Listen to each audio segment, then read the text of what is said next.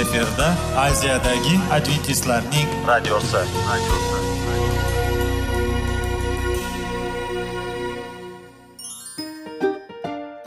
assalomu alaykum aziz radio tinglovchilar sog'liq daqiqasi rubrikasiga xush kelibsiz. Zero tananing sog'lom bo'lishi va uning kasalliklardan saqlash har bir insonning burchi hisoblanadi. Inson uchun bebaho boylik bu sog'liq salomatlikdir. Uni asrash esa har birimizga omonat qilib berilgan. Shuning uchun ham inson o'z sog'lig'ini ehtiyot qilishi voajib amallardan hisoblanadi. Dono xalqimiz sog'liq tuman boylik deb bejiz aytmagan. Aql idroq sohibi bo'lgan inson o'z hayotini qadrlashi lozim bo'ladi. Hozirgi kunda qanchalik dori darmonlar ko'paymasin tibbiy muassa sifati shifokorlar vasiyasi tibbiy texnika yaxshilanmasin. Agar insonning o'z salomatligi haqida qayg'urmasa kutilgan natijaga erishib bo'lmaydi va biz sizlarga bizning dasturimizga xush kelibsiz deymiz.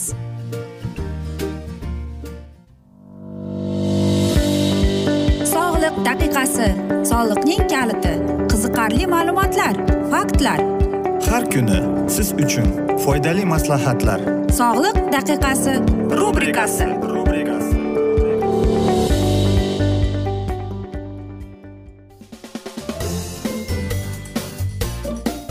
Assalomu alaykum aziz radio tinglovchilar. Dasturimizga xush kelibsiz va biz sizlar bilan foydali ichimliklar degan dasturda xushvaqt bo'ling deb aytamiz. Va bugungi bizning dasturimizning mavzusi bu ko'krak saratoni deb ataladi va biz e, bu ikkinchi qismidir lekin mana shu saraton haqida u nimani keltirib chiqadi? Unga buning sabablari nima? U qayerdan paydo bo'ladi? Va ko'plab ayollar albatta savol beradi. Balki men noto'g'ri ovqatlanayotgandirman balki men noto'g'ri sog'lom turmush tarzini ko'rayotgandirman deb qarangki buning o'nta belgisi bor ekan. Ya'ni e, hozir ko'krak bezi saratonlar ayollarning orasida uchraydigan onkologik kasalliklar ichida birinchi o'rinni egallab turadi. Afsuski xastalar soni yildan yilga ortib bormoqda. Statistik ma'lumotlariga ko'ra butun dunyo bo'yicha har o'n uchinchi ayol ko'krak bezi saratoni bilan xastalanar ekan. Bir yilda ushbu xastalik tufayli bir yarim milliondan ortiq ayol vafot etadi. Vrachlar malakasini oshirish instituti mana shunday deyilgan. Bu bizga berilgan statistika. Birinchisi bu albatta sababi nasliy omil. Agarda onada ko'krak saratoni kuzatilsa uning qizlarida ko'krak saratoni rivojlanish xavfi juda yuqori bo'lar ekan. Chunki ko'krak bezi kasalliklari uchun javobgar bo'lgan genlarda mutatsiya kuzatiladi. Balog'at yoshiga yetgandan keyin esa mana shu genlarda o'zgarish bor yo'qligini qon tahlili orqali aniqlanadi. Shu sabab onasida ko'krak bezi saratoni kasalligi kuzatilgan qizlar har olti oyda maxsus tekshiruvdan o'tishi kerak. Bu ikkinchisi surunkali ravishda kechadigan ginekolog xastaliklar oqibatida. Tuxumdon bachadondagi surunkali shamollash jarayonlari bachadon miyomasi tuxumdon kistasi qabi mana shunday kasalliklar ko'krak kasalliklarining kelib chiqishiga asob bo'lishi mumkin. Chunki yuqori kasalliklar oqibatida ayol organizmidagi gormonal fol o'zgaradi hamda ko'krak bezi to'qimasidagi hujayralarda patologiya vujudga kelishi mumkin. Ayol kishi hayot davomida tug'masa bola emizmasa insonga berilgan har bir a'zo hayot davomida mana shunday o'z funksiyasini bajarishi shart. Masalan ko'z ko'rishi quloq eshitishi bachadon homila ko'tarishi ko'krak emizishi kerak. Agar insondagi istalgan organ o'z funksiyasini bajarmasa ushbu a'zoda kasallik yuzaga keladi. Shu sababli ham ko'krak bezi saratoni tug'magan va farzand emizmagan ayollardaga nisbatan ko'proq kuzatiladi. Ketma ket qilingan sun'iy abortlar.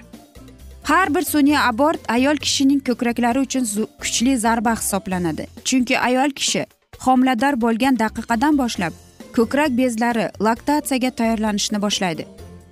Ko'krak bezlari to'lishib sut yo'llari kengayadi. Ko'krak bezlari bola emizishga tayyorlanadi. Abort qilingandan keyin bachadon tezda qisqaradi lekin sut bezlari normal holatiga qaytishi qiyin kechadi va ketma ket abortlarning ko'pligi ko'krakda patologik jarayonlarni keltirib chiqaradi. Ko'krak sohasidagi jarohat yoki kuchli stress ham kelib chiqarar ekan. Gormonal balansning buzilishi ortiqcha vazn va noto'g'ri ovqatlanish. Va mastasapiya xastaligining tugunli shakli va eng dahshatlisi bu radiatsiya. Qarang biroq ko'krak saratoni hech qachon bir sabab tufayli yuzaga kelmaydi. Qachonki yuqoridagi sanab o'tilgan sabablarni bir nechasi birlashdagina birlashsa mana shunday saraton kelib chiqadi dedi shifokorlar. Bilasizmi hozirgida ko'plab meva va sabzavotlar bor va bugungi bizning mana shunday sizlarga aytib beradigan smuzi haqida bu saratonga qarshi deb nomlagan ya'ni unga bizga anor sharbati. Qarangki anorda judayam ko'p antioksidantlar judayam ko'p vitaminlar bor ekan.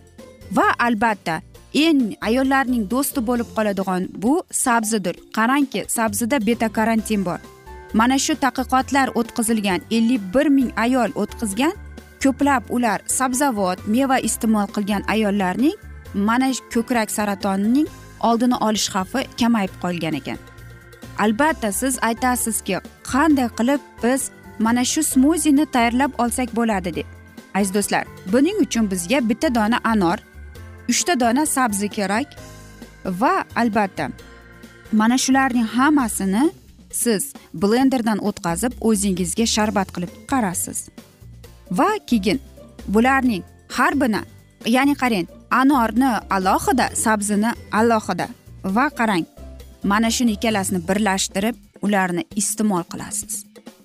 Iste'mol qilib bir kunda bir haftada uch mahal aziz do'stlar. Bu eng asosiy sabzavotlar hisoblanar ekan saratonga qarshi. Aziz ayollarimiz agar mana shunday kasallikka duch kelmang desangiz demak mana shu smuzini ichishni sizga tavsiya etamiz. Qarang bu axir oddiy. Albatta bizga nima kerak? Anor anor sharbati. Chunki tadqiqotlar shuni ko'rsatgan. Anor eng muhim va eng kuchli mevalardan hisoblanadi va sabzi. Sabzidan ham sabzining bizga foydaligimiz haqida biz aytib o'tganmiz. Lekin buni qanday qabul qilasizmi yoki yo'qmi bu sizning tanlovingizdir aytishadiku sog'lom odam boy odam deb aziz do'stlar. Va men o'ylaymanki bizning dasturlarimiz sizlarga mamnun bo'lyapti deb va foyda keltiryapti deb. Aziz do'stlar biz sizlarga va yaqinlaringizga sog'liq tilab. Albatta aytishadiki hamma yaxshi narsaning ham yakuni bo'ladi degandek bizning dasturimizga ham afsus yakun kelib qoldi chunki vaqt birozgina chetlatilgan.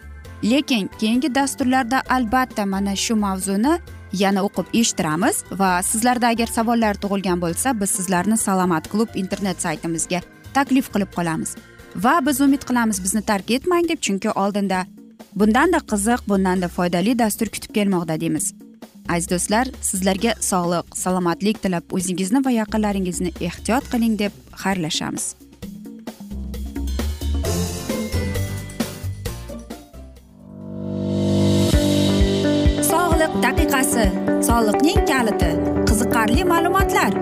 Faktlar har kuni siz uchun foydali maslahatlar. Sog'liq daqiqasi rubrikasi.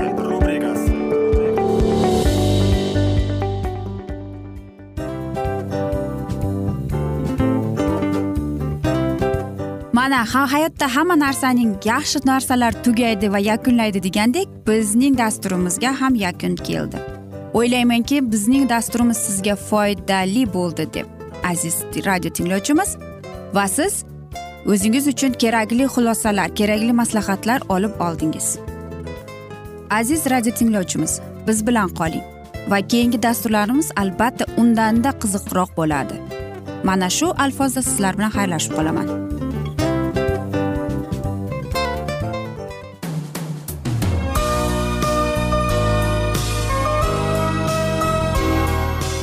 Efirda aziyadagi adventistlarning radiosi.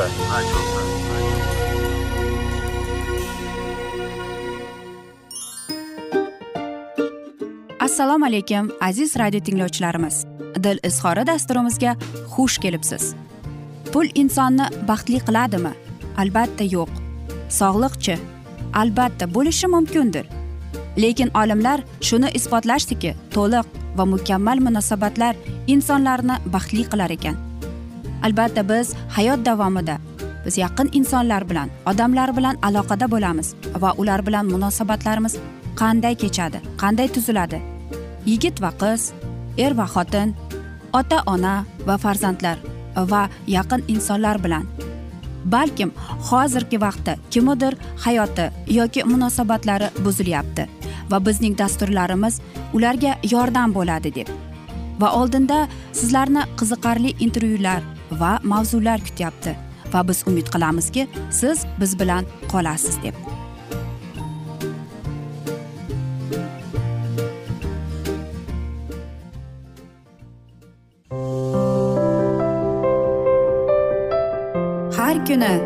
Har xil kasbdagi odamlar bilan sirlashish va bo'lishish.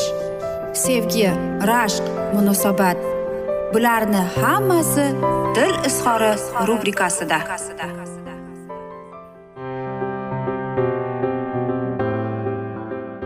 Assalomu alaykum aziz radio tinglovchilar. Dasturimizga xush kelibsiz va biz sizlar bilan bola tarbiyasi degan dasturda xushvaqt bo'ling deb aytamiz.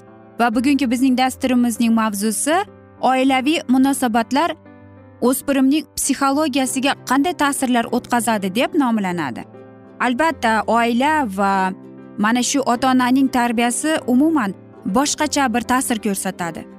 Qarang oilada yomon muhit bo'lsa bolaning o'spirim bolani yomon odatlarga undashga chorlaydi ekan. Xo'sh agar aytaylik bunday deylik bola o'g'lini ursa u o'ylaydiki demak mana shunday e, ota onaning tarbiyasi to'g'ri deb o'ylaydi. Va e, qarangki bola chetdan uni tushunadigan u bilan suhbatlashadigan insonni qidira boshlaydi ekan. Xo'sh qanday qilib deymizmi? Qanday qilib bola biz ko'plab savollar beramizki bolam nega sigaret chekadi yoki nimaga e, spirtli ichimliklar ichyapti degan. Aziz ota onalar mana shu borada demoqchimanki o'zingizga savol berib ko'ring. Balkim oilangizda qandaydir bir Э, noqulay э, voqea sodir bo'layotgandir. Balki munosabatlaringiz turmush o'rtog'ingiz bilan yaxshi emasdir. Va mana qarangki psixologlarning aytishicha o'spirim bolaga oilaviy muhitning ham katta ahamiyatiga ega ekan. Ya'ni uning psixologiyasiga qanday taassurotlarni ko'rsatadi? Oilada yaxshi muhit bola bo'lsa demak e, bola ham judayam aqlli va og'ir vazmin bo'lib katta bo'ladi. Agar oilada yomon muhit bo'lsa albatta bolada yomon odatlar paydo bo'lishini ko'rasiz. Ya'ni qarangki eng yomon narsa bu albatta ota onaning munosabatlaridir chunki ota ona ya'ni er xotin ulardagi muammolari yaxshi bo'lsa demak bola ham mana shu munosabatlarni ko'rib o'zidagi bo'lgan e, o'zgarishlarni e, sizlar bilan bo'lishgisi keladi. Va qarang ko'plab psixologlar pedagoglarning aytishicha Э, shuning uchun ham э, bolaning agar uning xatti harakatlarida xulq atrofida o'zgarishlar bo'lsa nega otim o'qituvchilar psixologlar uyiga keladi? Bolaning yashayotgan muhitiga qarab ular xulosa chiqaradi. Agar u yomon yaxshi bo'lsachi? Yaxshi degani qarang ota ona qabul qiladi bolaning katta bo'layotganini ulug' e, mana shu ulug' bo'layotganini. Э, va judayam jiddiy uning qiziqishlari bilan qiziqadi. Qarang ko'p bu ota ona o'zi bilan band bo'lib qoladi. Albatta mana shunday munosabatda. Э, shuning uchun ham har bir ota ona o'ziga o'zi savol berish kerakki э, o'zining munosabatida men nimani his etyapman? deb men nima haqida o'ylayapman? Men nima qilyapman? deb. Albatta yana bitta bir shart bo'lsa mana shu savollarga siz chinakam chin ko'ngildan javob bera olsangizgina xo'sh ota onaning e, munosabatlari o'smir bilan qanday bo'ladi? Albatta u doimo ham mukammal bo'lib kelmagan. Shuning uchun ham uchta mana shunday bir formani aytish kerak ekan. Birinchi forma bu albatta e, judayam qattiqqo'llik. E, ya'ni bunday oilalarda qo'l ko'tarish so'kinish yoki mana shu o'spirimni qattiq qo'lda ushlash oddiy holda biladi va oxir oqibat mana shu bola katta bo'lib e, voyaga yetgandan keyin uyni tezroq tark etishgining xohishi paydo bo'ladi. Ikkinchi forma bu albatta e, ota ona o'zining farzandini o'spirim farzandini tushunmaslik. Shuning uchun ham aziz do'stlar men o'ylaymanki siz to'g'ri qaror qabul qilasiz deb. Ya'ni bu orada e, farzand o'spirim farzand o'z xohishi bilan ketgisi kelib qoladi. Uchinchi bu e, qarangki farzandlar o'sha o'spirim bola uchun eng past avtoritetda. Ya'ni e, oila oila to'q e, to'kin sochin lekin farzand ota bo'lib turib ona bo'lib turib o'zining farzandi uchun avtoritet emas. Xo'sh aytamizki qanday qilib biz u bilan unda yo'l tutishimiz kerak deb hech qachon. Aziz ota onalar o'z farzandingizga zulm o'tkazishga harakat qilmang.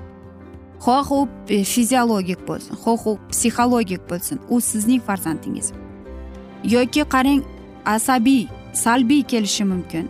Albatta bunday gohida aytamizki nega bunday deb.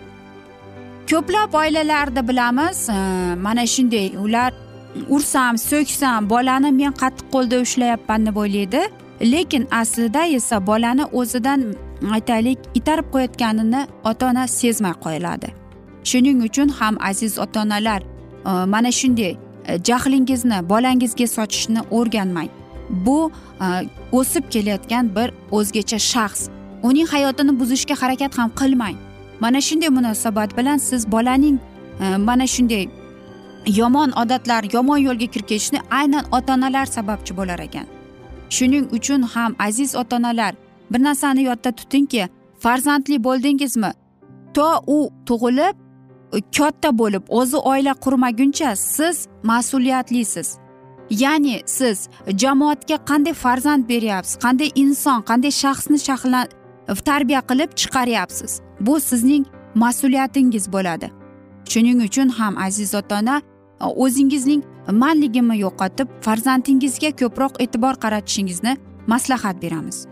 Va albatta mana shu usulda agar farzand o'zini sevimli kerakli deb his etsa demak farzand yaxshi to'liq aqliy rivojlangan shaxs bo'lib yetuk bo'lib jamiyatga chiqib ketishi mumkin.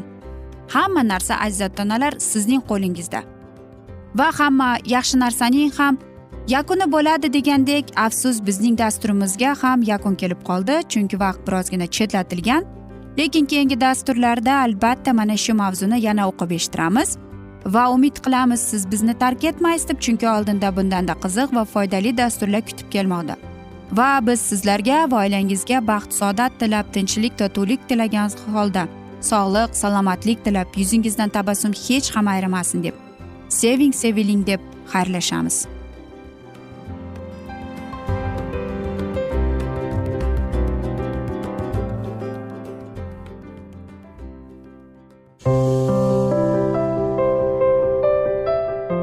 Kuni har xil kasbdagi odamlar bilan sirlashish va bo'lishish sevgi rashq munosabat bularni hammasi dil izhori rubrikasida. Mana aziz radio tinglovchimiz bizning go'zal va foydali va chiroyli dasturimiz yakunlanib bormoqda. Sizlarga birozgina maslahat berib o'tmoqchi edik. Bir biringizni seving. Qadringizga yeting. Va erkalang albatta bir biringizni va sizga judayam chiroyli va mustahkam munosabatlar tilab qolamiz albatta. Sevgilingiz doimo yoningizda bo'lsin. Mana shu borada sizlar bilan xayrlashib qolamiz. Xayr.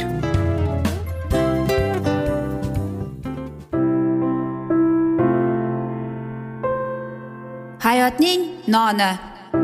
Qiziqtirgan savollar va javoblar. Buning hammasi ko'ngil uchun oziqa rubrikasida.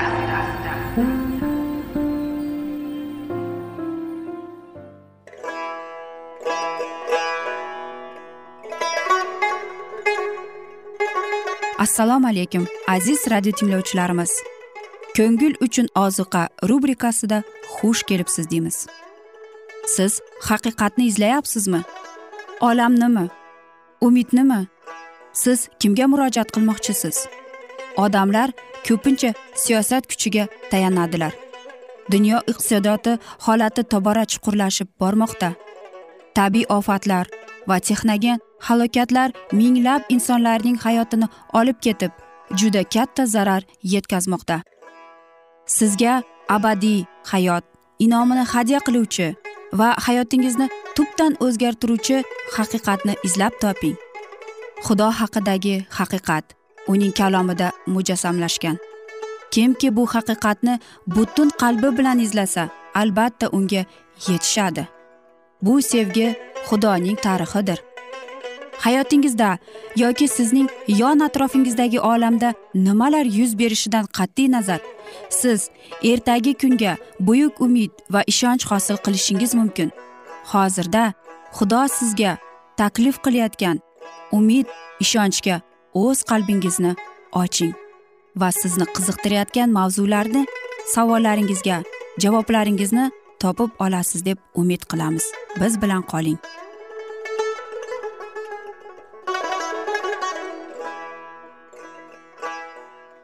Assalomu alaykum aziz radio tinglovchilar. Dasturimizga xush kelibsiz va biz sizlar bilan ulug' otalar va payg'ambarlar degan kitobni o'qib eshittirishni boshlagan edik.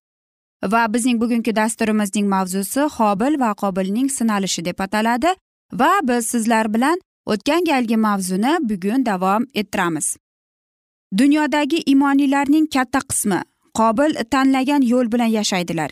Ya'ni insonning najot topish uning shaxsiy ishlariga bog'liq. Deyarli har bir soxta din shunda asoslanadi. Odamlar ichida shundaylar borki ularning fikri bo'yicha insoniyat qo'lga kiritishda emas taraqqiyotda muhtoj odamlar o'z kuchlari bilan tabiatlarini oliyjanobli yuksak intilib yangilay oladilar. Qobil qo'lga kiritgan qonsiz qurbon orqali tangrining qaramiga yetishiga umid bog'ladi. Unga o'xshab hozirgi insoniyat xudo bilan murosa qilmasdan kerak yuksak ilohiy darajaga o'z taraqqiyotida yetishmoqchi lekin qobilning hayoti tarixi bo'ladigan oqibatning shohidi. Inson e, masihsiz nimaga yetisha oladi? Bu voqea aniq darajada tasdiqlaydi. Insoniyatda yangidan tug'ilish uchun kuchi yo'q chunki uning orzulari xudoga ko'tarilmasdan pastda shayton hokim bo'lgan dunyoda to'xtaydi. Bizning yagona bo'lgan umidimiz masih najot topishimiz uchun. Osmoni falak ostida odamzodga berilgan boshqa hech bir ism yo'q boshqa hech kimdan najot yo'q. Haqiqiy iymon to'la masihga ishonib tangri taoloning hamma talablariga bo'ysunishdan ibodatdir. Odam ato kunidan boshlab to bugungi kunga qadar ilohiy qonunga bo'ysunish ulug' kurashning sababidir. Butun davrlarda shunday insonlar bor ediki ular xudoning ahdlarini tark etib uning iltifotiga huquqlari boriga ishonib isbot qilardilar. Lekin muqaddas yozuvlarda iymoni savoblari bilan taqomlash deyilgan va iymon to'g'risida esa amalsiz iymon o'z o'zidan o'likdir deyilgan. Uni bilaman deb turib uning amrlariga rioya qilmagan kishi yolg'onchi bo'ladi. Unda haqiqat yo'q. Qobil qurbonni e, tark etganligini ko'rgach qobilga va xudovandga jahli chiqdi. Xudovandga jahli chiqqani tayinlangan qurbon o'rniga o'zi taklif qilgan qurbon qabul bo'lmagani uchun ukasiga esa jahli chiqqani uning bilan isyon ko'tarmasdan xudoga itoat qilgani uchun xudo bergan ahdga iltifotsizlik ko'rsatganiga hamda u qobildan yuzini o'girmadi. U odamning holatiga tushib aqlsiz harakatiga qarshi uning fahmiga murojaat qilishga intilardi. Xudovand qobilga dedi nima uchun sen ranjiding? Nega qovoq solib o'tiribsan? Agar yaxshilikni niyat qilganingda unda bosh ko'tarib yurmasmiding? Yana ogohlantirib dedi agar niyating yaxshi bo'lmasa ostonada gunoh poylab turib seni o'ziga jalb qiladi. Endi to'g'ri saylov qilish qobilning ustiga tushdi. Agarda u nazrlangan najotkorning xizmatiga ishonsa va ilohiy talablarga ko'nsa u xudoning inoyatiga yetishadi. Lekin agarda o'z qonunsizligida ishonmay o'jar tursa shunda uni xudovand tark etganida shikoyat qilish uchun sabab yo'qdir. O'z gunohini e'tirof etish o'rniga qobil xudovandni nohaq deb sanardi. Hobilga nisbatan hasad va nafratga to'lib g'azablanardi. U jahli bilan ukasiga gina qilardi va xudovandning harakatlariga qarshi salbiy mulohazaga kiritishga intilardi. Kamtarlik ila lekin jiddiy va qo'rqmasdan qobil xudovandning haqqoniyligini va iltifotini himoya qilardi. Qobil adashganiga noroziligining sababi o'zida ekaniga ishontirishga intilardi. Ota onalari gunoh qilib o'limga duchor bo'lganlarida xudo ularni ayadi. Shu dalilning ham akasining esiga soldi va yana tangrining mehr shafqati cheksiz ekanini isbotlab gapirdi. Qobilni ishontirish uchun ilohiy sevgi to'g'risida aytdi. Shunday bo'lmaganida xudo o'z beayb begunoh o'g'lini bizlar nasib bo'lgan jazoga va azoblarga topshirmas edi. Lekin hamma aytilgan gaplar qobilning g'azabini ko'tarib otashdek yondirardi. Ongi va vijdoni bilan ukasining haqligini tushunar ekan lekin har vaqt har narsada uning bilan rozilikda bo'lgan. Unga qarshi chiqib uning bilan ko'maklashmagani uchun u tamoman zug'umga tushdi va hobilni o'ldirdi. Hobil akasiga hech qanday yomonlik qilmadi. Qobil ukasidan nafratlanib unga qarshi qo'l ko'targanining sababi uning ishlari qabih ukasining ishlari esa solih bo'lgani uchun edi. Hamma davrlarda ham shunday bo'lgan. Qonunbuzarlar doimo solih odamlardan nafratlanadi. O'z umrida qobil itoatga to'lgan imoni tebranmas bo'lib qobilga uni doimo ta'na qilganday sezadi. Haqiqatdan ham kim yomonlik qilib yursa nurni yomon ko'radi. Yomon qilmishlari fosh qilib qolmasligi uchun nurga qarab yurmaydi. Xudovandning solih bandalarida samoviy nur qanchalik yorug'roq e, akslansa badqarorliklarning gunohlari uchun shunchalik aniq yorug'roq akslansa ochiladi. Va ularning tinchligi buzilgan sababli ular solih odamni yo'q qilishga intiladi. Qobilni o'ldirishda xudo ogohlantirgan adovat birinchi marta namoyon bo'ldi. Eslaylik sen bilan xotining orasiga sening zoting bilan uning zotingni orasiga adovat solaman. Shuning bilan masih va uning izdoshlari bilan shayton va uning aloqadorlari orasida adovat bo'lishi belgilandi. Odamning qulashi insoniyatni shayton hokimligiga topshirdi. Lekin masih orqali shu hokimlikdan qutulib e, bo'lardi. Har doim odam xudovandning qo'zisiga iymon keltirib xudoga xizmat qilishdan kechganida shaytonning zardasi qaynab ketadi. Aziz do'stlar afsuski aytishadiku hamma yaxshi narsaning ham yakuni bo'ladi degandek bizning dasturimizga ham afsus yakun kelib qoldi chunki vaqt birozgina chetlatilgani sababli. Lekin keyingi dasturlarda albatta mana shu mavzuni yana o'qib eshittiramiz. Va sizlarda o'ylaymanki savollar paydo bo'ldi va shunday bo'lsa biz sizlarni adventis tochka ru internet saytimizga taklif qilib qolamiz. Va umid qilamizki siz bizni tark etmaysiz deb chunki oldinda bundanda qiziq bundanda foydali dasturlar sizni kutib kelmoqda. Va albatta biz sizlarga va oilangizga tinchlik totuvlik tilab o'zingizni va yaqinlaringizni ehtiyot qiling deb xayrlashib qolamiz.